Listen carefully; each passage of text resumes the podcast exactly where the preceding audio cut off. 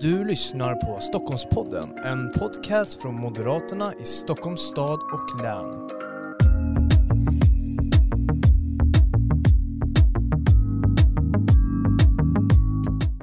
Varmt välkommen till en av Stockholmspodden. Det här är de specialavsnitten där vi pratar med alla våra listettor här i Stockholmsregionen inför valet den 11 september.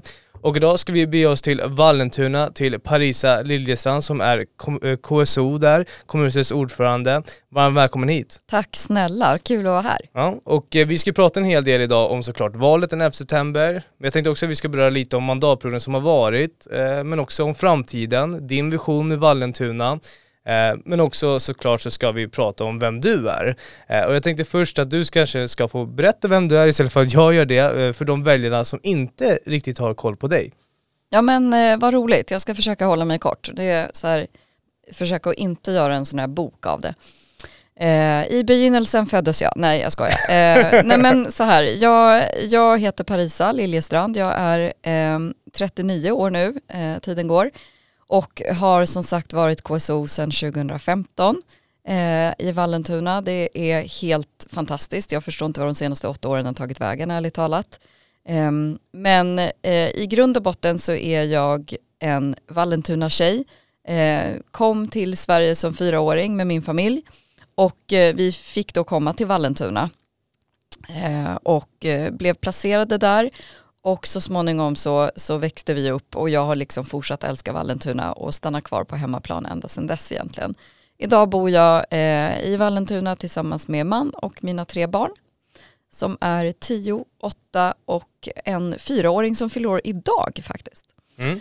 Eh, och eh, ja, och vi, vi är en vanlig sån där eh, liksom livspusselfamilj som försöker få ihop eh, två heltidsarbetande föräldrar med ungarnas aktiviteter och skola och eh, liksom någonstans däremellan ska vi också försöka ta hand om varandra. Så att eh, ja, ehm, lite, lite så här eh, Taikon-familj men, men otroligt kärleksfullt och framförallt så är vi, är vi väldigt glada för, för den platsen som vi bor på, det vill säga hemmaplan Vallentuna. Vi är väldigt mm. Vallentuna-kära. Mm, mm. Ja det är ju bra. Nu har du varit KSO i, i åtta år men jag tänker Innan det då? Och vi säger att du inte skulle blivit eh, politiker. Nej, jag brukar skoja och säga att på rikt när jag jobbar på riktigt, brukar jag skoja och säga. Eh, eh, min, min, bakgrund är ju att jag är utbildad lärare i grund och botten eh, och jobbade som lärare ett antal år. Och eh, efter det så började jag ju inse, eller ja, under tiden började jag inse att det här med skolledning och skolledarskap är väldigt spännande. Så jag har nog alltid tyckt att ledarskap, alltså lärarrollen är ju också ett ledarskap, eh, verkligen. Och det har jag alltid tyckt är väldigt spännande. Så att jag eh, fortsatte så att säga utbilda mig eh, och blev så småningom biträdande rektor och så tog jag klivet fullt ut och eh, blev rektor då, eh, ja vad kan det ha varit, 2010, 12 någonting. Mm, mm.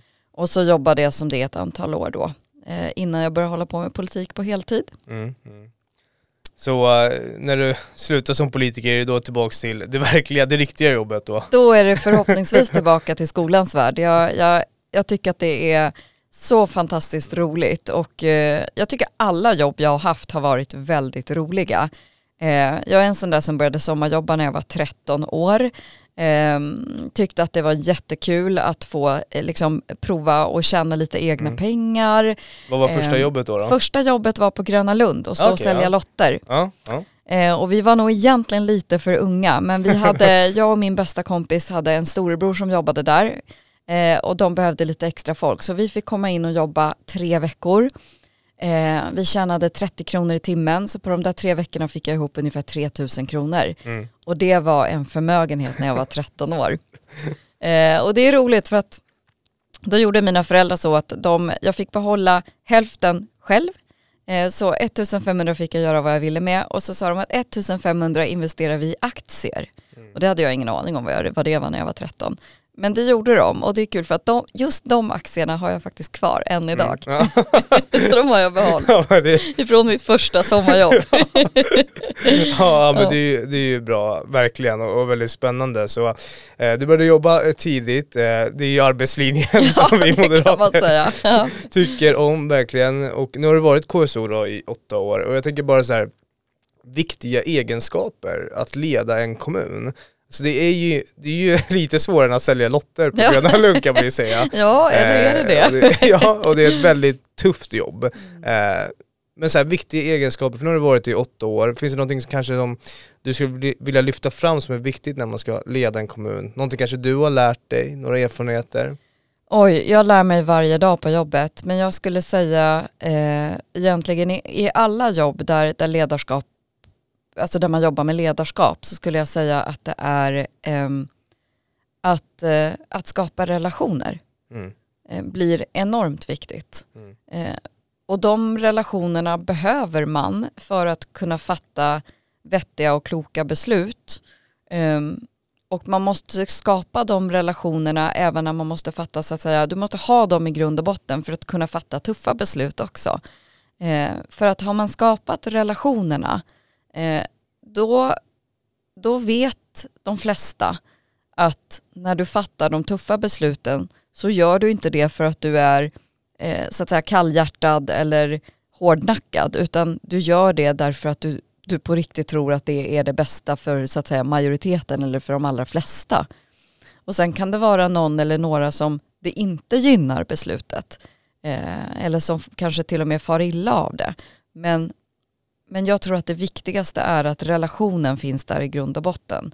Känner man mig eh, så, så då vet man att jag nog inte gör saker för att, för att eh, ställa till det.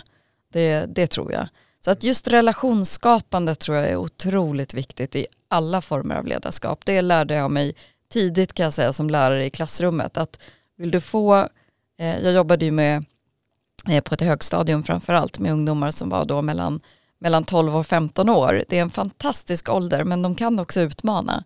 Ehm, och då lärde jag mig rätt tidigt att, att bygger inte så att säga, bygger inte eh, det jag önskar på en grundmurad liksom, relation oss emellan och att vi har respekt för varandra och vi har en, en bra relation i grund och botten, då kommer jag aldrig få dem att göra det som jag vill eller som jag önskar Mm. för deras bästa. Mm. Så relationer. Relationer, Ja. definitivt relationer. Ja. Sen tror jag att man måste ha, som KSO måste man också ha en förmåga att eh, kunna fatta beslut. Eh, även när det är jobbigt. Eh, och att fatta ett beslut. Det behöver inte alltid vara rätt beslut. För beslut går också att backa. Och jag kan tycka att det finns en styrka i att också kunna säga jag gjorde fel. Jag måste backa det här. Mm. Men att våga fatta ett beslut, hellre ta ett beslut än rätt beslut, lite så ibland. Eh, så att man inte hamnar i limbo. För en kommun är ju det oerhört viktigt. Eh, där behövs det så att säga en tydlig styrning. Dels behövs det en tydlig målsättning med vad man vill. Eh, tappar man det, då är det nog dags att hitta något annat att göra. Jag tror alltid att det är viktigt som, som ledare att ha liksom en tydlig målsättning med, med det man gör. Eh, för att det ska bli meningsfullt, inte bara för mig utan också för alla jag, jag jobbar Mm. med och för. Eh, så att, så att det tror jag är, är jätteviktigt, att, Mm. att de bitarna. Mm. Och jag tänker på den här mandatperioden som nu har varit, eh, den har varit väldigt speciell. Det har varit pandemi och sen efter pandemin så kom ju det här kriget och så vidare. Eh, så det finns ju, den kommunala nivån har ju lyfts upp till ytan ändå eh, i form av äldreomsorgen och så vidare som har varit i fokus. Men jag tänker så här, beslut, eh, viktiga beslut som du är extra kanske stolt över under den här mandatperioden. Eh, om vi ska prata lite leveranser, men kanske som har hamnat i skuggan av pandemin. Eh, vad, vad skulle det vara? Vad skulle du vilja önska lyfta fram i det här samtalet som valentinaborna måste veta om? Så jag ska börja med att säga att Vallentunaborna i sig har varit helt fantastiska under, under såväl pandemin som eh, krigsutbrottet i, i Ukraina nu. Eh, jag, jag, jag får gåshud av att tänka att jag bor i en kommun där det finns så mycket omsorg om varandra. Eh, det visade Vallentunaborna tidigt, redan i pandemin, att eh, vi var rädda om varandra och vi, var, vi månade om varandra. Ehm, och det visade sig ju också i att vi faktiskt hade några av de lägsta så att säga, smittnivåerna eh, i länet. Så att eh, många som tog pandemin på stort allvar redan från början. Och även vi från kommunalt håll. Vi gick ju eh, ut tidigt och fattade proaktiva beslut som jag är oerhört stolt över att vi gjorde även om de då var kontroversiella. Vi fattade till exempel tidigt beslut om att inte tillåta medarbetare att komma direkt tillbaka. Eh, det här låter ju banalt idag, eh, men, men om ni minns hur det var precis vid, vid pandemins början så då var det ju sådär att vi ändå tyckte att det var helt okej okay att medarbetare och elever kom tillbaka till skolorna efter att ha varit på semestrar och det fanns inga karantänsregler och sådär. Och vi var tidiga med att införa det. Eh, och det tror jag också var ett led i att kunna hålla nere smittspridningen. Mm. Eh, så det är jag faktiskt jättestolt över, både över att vi vågade gå den vägen och fatta de besluten, även om det blev lite blåsigt ett tag, eh, men också stolt över mina medmänniskor i Vallentuna. Eh, och även nu med krigsutbrottet i Ukraina, maken till så att säga, omsorgsfulla och kärleksfulla meddelanden som skickas in till kommunen om att vi vill hjälpa, vad kan vi göra, civilsamhället står här starka och vi kan ställa upp. Och allt ifrån liksom, eh, nöd, nödlass med, med saker och kläder och mm. mat och till husrum och, och så. Så att eh, det har varit ett väldigt fint, eh, även om både så att säga, pandemin och kriget utmanar oss, och jag tror att vi alla en, känner en trötthet i det, så har det varit en väldigt fin eh, eh, väldigt fint att ändå se människors, så att säga, att man sluter upp eh, och att vi någonstans har hittat det gemensamma och att det är vi tillsammans. Så det tycker jag har varit fint. Sen är jag ju oerhört stolt över den resan vi har gjort den senaste mandatperioden. Vi har, vi har alltså i Vallentuna höjt kvaliteten på samtliga våra verksamheter. Alla har bättre resultat idag än vad de hade för fyra år sedan. Vi har höjt skolresultaten. Eh, vi har höjt nöjdheten både bland våra invånare och våra om man säger kunder eller brukare eh, i våra verksamheter.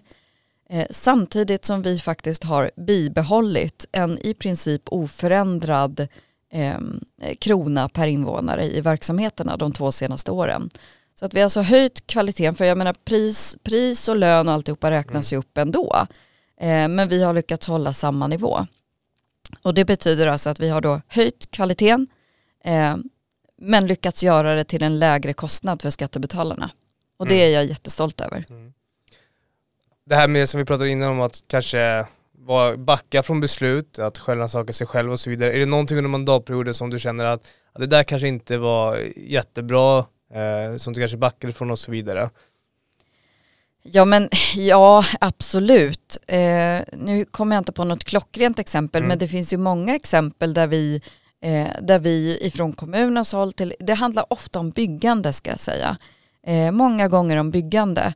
Eh, och vi har ju en idé om vad vi vill med Vallentuna. Vallentuna ska vara eh, den platsen där du ska kunna känna igen dig. Många som har bott i Vallentuna eller bor där idag har bott där tidigare. Så kanske man flyttar iväg, man flyttar in till stan eller någonting Eh, och så väntar man barn och då flyttar man liksom hem igen. Eh, och söker sitt första så att säga, egna boende. Man vill ha lite gräsmatta. Man vill att barnen ska kunna cykla till skolan. Då blir liksom de värdena i, i livet viktiga. Så vi har en, en så att säga, eh, en befolkningsnivå som är överrepresenterad just när det gäller eh, människor mitt i livet, arbetande föräldrar och barnfamiljer. Mm. Eh, och då är det klart att vi är otroligt måna om att de ska känna igen sitt Vallentuna. De kvaliteterna som man flyttar till Vallentuna för, de får vi absolut inte bygga bort. Och då kopplat till beslut som man kan fatta eh, så eh, har det hänt att vi så att säga, skickar ut en detaljplan på samråd. Vi bestämmer oss för att här finns det möjlighet att bygga. Här kan man tänka så här kring, kring byggande. Och så blir det ett ramaskri för att Vallentunaborna reagerar och säger vi känner inte igen oss, vad är det här? Så att det har absolut hänt under mandatperioden att vi får faktiskt dra tillbaka en detaljplan och börja om från början. Och, och det tycker jag är, är, visar också på att, att våra invånare, de bryr sig. Mm. De bryr sig om varandra men de bryr sig också om, om Vallentuna, om platsen de bor på. Så att eh, jag skulle säga att det är oerhört viktigt att, att som som KSO och som politiker överhuvudtaget hela tiden ha ett öra mot marken. Det är inte det att man behöver bli obeslutsam eller inte våga stå för sina beslut men man måste också kunna backa beslut när man märker att här handlar det om att människor, vill känna igen sig i det de en gång flyttade hit för. Mm, mm. Och valet 2022 är ju nu den 11 september eh, och jag tänker bara att vi ska såklart också prata om det. Eh, och du kommer få en hel del frågor och får redan nu men under den här valrörelsen varför Moderaterna är det självklara valet för just Vallentunaborna. Eh, och jag tänker att du också ska få besvara just den frågan här och nu. Ja, oh, tack, vad bra. Vilken eh, enkel fråga ja. att svara på. Nej men alltså egentligen är det nog ganska enkelt att svara på. Eh, vi, vi moderater har ju perspektivet att alla som har möjlighet och kan måste gå till jobbet på morgnarna för att vi ska kunna ta hand om och, och verkligen se till att vi har så att säga, den bästa omsorgen för de som inte kan gå till jobbet. Vi ska ha den bästa förskolan för våra små barn. De ska få dem liksom den grymmaste starten i livet och den börjar i förskolan. Vi ska se till att skolorna är bland landets bästa och att kvaliteten fortsätter öka. Eh, vi måste se till att omsorgen om våra sköra, om våra äldre fungerar. Men det bygger på att vi har en, en stark och stabil ekonomi. Och en stark och stabil ekonomi det bygger vi genom att vi människor som kan går till jobbet. Eh, utifrån det så en stark och stabil ekonomi, då har man också möjlighet att göra satsningar. Och då tror jag att det finns framförallt två satsningar som är enormt viktiga för Vallentunas fortsättning. Det ena är att fortsätta utveckla våra skolor. Att inte bli nöjd och stanna av nu för att kvaliteten har ökat nu, utan hela tiden se vad kan vi göra bättre, vad behöver våra skolor vidareutvecklas i, vi måste kunna rekrytera de bästa lärarna, vi måste se till att våra elever får de absolut bästa förutsättningarna. Så att skolornas kvalitet fortsätter öka är otroligt viktigt. Och också att, att de elever som är i behov av särskilt stöd också får det. Och det behöver vi också se till att stärka upp och jobba vidare med. Den andra frågan som jag skulle säga eh, det är tryggheten. Det är så otroligt viktigt att Vallentuna får förbli en av landets tryggaste kommuner. Vi är det idag men vi måste också fortsätta vara det. Och det är inte självklart. Tittar man på brottsstatistik, ja men då ser Vallentuna alldeles lysande ut. Det händer inte så mycket. Vi är en trygg och stabil kommun. Men människors upplevda otrygghet ökar. Och det är ett bekymmer. Vi måste se till att få upp den liksom upplevda känslan av trygghet. Eh, och det måste vi jobba vidare med. Där måste vi se till att stärka samarbetet med polisen. Vi måste se till att polisen i högre utsträckning är i vår kommun och prioriterar vår kommun. Vi måste också jobba med så att säga, samhällsbyggnaden Vallentuna, jobba med belysningsåtgärder, gång och cykelvägar. Alla de här sakerna som gör att när jag promenerar hem med mina barn eh, ifrån den där bion, nej men då ska det inte vara några konstigheter. Jag ska kunna passera torget i centrum en kväll utan att behöva känna mig otrygg. Jag ska kunna gå en skogspromenad i någonstans i vår vackra landsbygd uppe i Kårsta eller i Brottby utan att fundera över behöver jag räddas någonting nu och jag ska kunna släppa ut mina barn att cykla iväg till skolan utan att mm. fundera över om någonting händer dem på vägen. Så att det finns många perspektiv av trygghetsfrågan som vi behöver jobba vidare med, både inom kommunen men också tillsammans med andra. Mm, mm. Ja, precis så, två viktiga fokusområden eh, som kommer då ligga i fokus eh, nästa mandatperiod när ni har vunnit valet, eller Precis så, precis så. Jag tänker så här, någonting som också är viktigt för Vallentunaborna att veta, det är ju kontrasterna mellan Socialdemokraterna och just Moderaterna. Eh, för oftast i de flesta kommuner, regionalt men också nationellt, så väljer man ju oftast mellan två sidor. Den borgerliga sidan Moderaterna i spetsen och sen är ju den vänstersidan med Socialdemokraterna i spetsen. Eh, men vi just kollar nu på Vallentuna då. Vad är de största kontrasterna som skiljer som, som väljarna måste veta om? Ja men Eh, jag ska börja med att säga att jag tycker alltid att det är mycket roligare att prata om, om vår politik än att prata om andras politik. Eh, för jag tycker såklart att vi har den bästa. Men för att göra det väldigt tydligt då eh, vad den stora skillnaden är mellan, mellan oss och mellan ett socialdemokratiskt alternativ eh, så är det så det att eh, Socialdemokraterna i Vallentuna i princip årligen lägger fram eh, budgetförutsättningar som bygger på en höjd skatt. Allt de vill, vill de göra med hjälp av höjd skatt. Och de lägger någonstans mellan 50 öre och en krona per år i höjd skatt. Alltså så ser det ut varje år när de kommer med sin budget. Och vi har eh, efterfrågat hur har ni tänkt att ni ska klara av det här för det kommer ju mer, mer kostnader, det, kommer, liksom, ah, det följer med andra saker när man höjer skatten på det här sättet. Det får vi egentligen aldrig riktigt svar på. Utan de hävdar alltid att nej, vill man ha den bästa kvaliteten då måste man göra det till, med mer pengar. Ehm, och de har ett perspektiv där det är så att säga kommunen eller eh, staten som ska vara den omhändertagande och fatta beslutet om människans liv. Och det är nog den absolut största skillnaden. Ett, vi tror inte på höjd skatt. Vi tror att pengarna bäst hör hemma eh, där de tjänades. Vi ska se till att leverera så hög kvalitet som möjligt men till en så låg kostnad som möjligt. Mm. Och det har vi ju uppenbart också visat den här mandatperioden att det går. Eh, så att så vår ambition är ju att, så att säga, fortsätta leverera en ännu högre kvalitet till våra invånare och fokusera på kärnverksamheterna. Vi ska inte pyssla med en massa andra saker som inte är liksom kommunala angelägenheter. Vi ska ägna oss åt skola, omsorg, trygghet och den typen av, av så att säga, kvalitetsmått. Mm. Vi ska inte ägna oss åt annat. Så det skulle jag säga är den absolut största skillnaden mellan, mellan oss och mellan S. Mm. Vi kan göra samma saker ännu bättre till lägre kostnad. Mm. Precis så. Och val vinns genom att vinna förtroende och tillit hos väljare.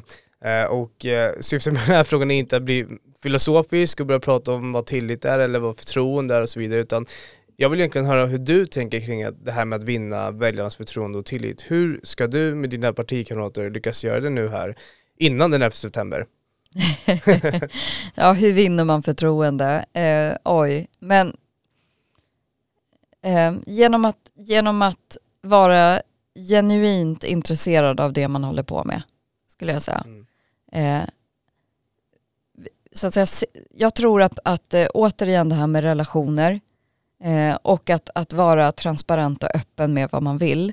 Eh, jag tror inte på att ha några andra agendor eller eh, att tänka att man ska använda den här liksom, rollen eller det här mandatet för att göra någonting annat med utan jag är, jag är uppriktigt intresserad av att se till att Vallentuna är den liksom bästa platsen för, för oss som bor där att, att både bo på men också verka på. Det är liksom, det är mitt driv. Mm. Eh, och, och jag tror att, att kan jag förmedla den genuiniteten då, då visar det, då får, brukar jag också få tillbaka ett förtroende. Mm. Och Vallentuna ska ju fortsätta utvecklas nästa mandatperiod men också mandatperioden efter det och mandatperioden efter det.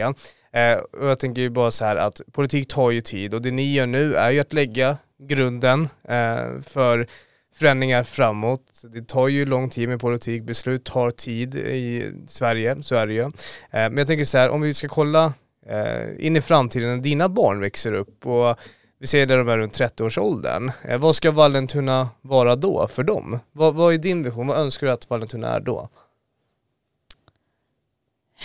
Ja, jag önskar att Vallentuna för dem blir samma sak som det är för mig. Eh, det vill säga den platsen som jag alltid kan komma hem till, eh, som jag alltid kan finna vilsam, eh, där jag känner mig trygg, där jag kan lita på att saker och ting funkar um, och där jag väljer att fostra mina barn. Jag hoppas att de känner likadant när de står inför att starta sina familjer mm. och, och ska välja plats att göra det för.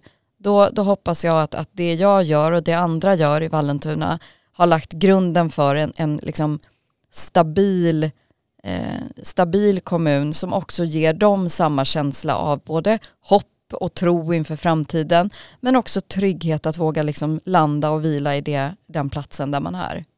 Mm. Mm. Och vi ska nu ta och avrunda det här samtalet. Men innan vi gör det så ska jag måla upp ett scenario här nu, valscenario, att jag står i vallokalerna eh, och eh, vet eh, politik, eh, jag har läst på om allas olika program och så vidare. Eh, och eh, jag ska nu välja en valsedel, men jag har inte riktigt bestämt mig än då. då. Eh, jag står i vallokalen och då dyker du upp. Och det här får ju du inte göra i verkligheten. att, att du får jag ska gå försöka låta bli. ja. Du får stå utanför vallokalen ja. och ge valsedlar. Men, men vi ser nu att du dyker upp här då, och du får säga någonting eh, kort då, då, som ska kunna påverka mitt beslut då, då? För jag är då osäker, men jag har läst allas partiprogram, men jag är fortfarande osäker vad jag ska välja.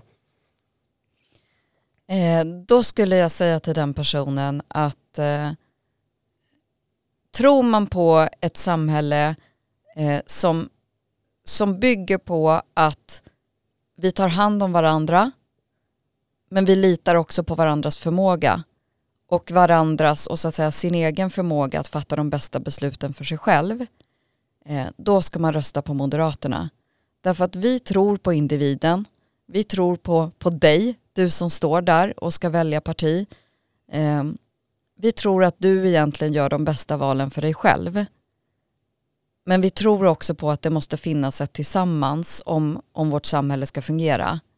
Eh, och vill man ha den omsorgen om varandra men samtidigt, samtidigt tilliten till individen, då är vi ett parti för dig. Mm. Då väljer jag nu moderatröst. Du, du lyckades. Vad bra, vilken tur. Om det ändå var så enkelt. ja, precis så. Och Lisa Lillestrand, stort tack för att du kom till Stockholmspodden. Tack snälla.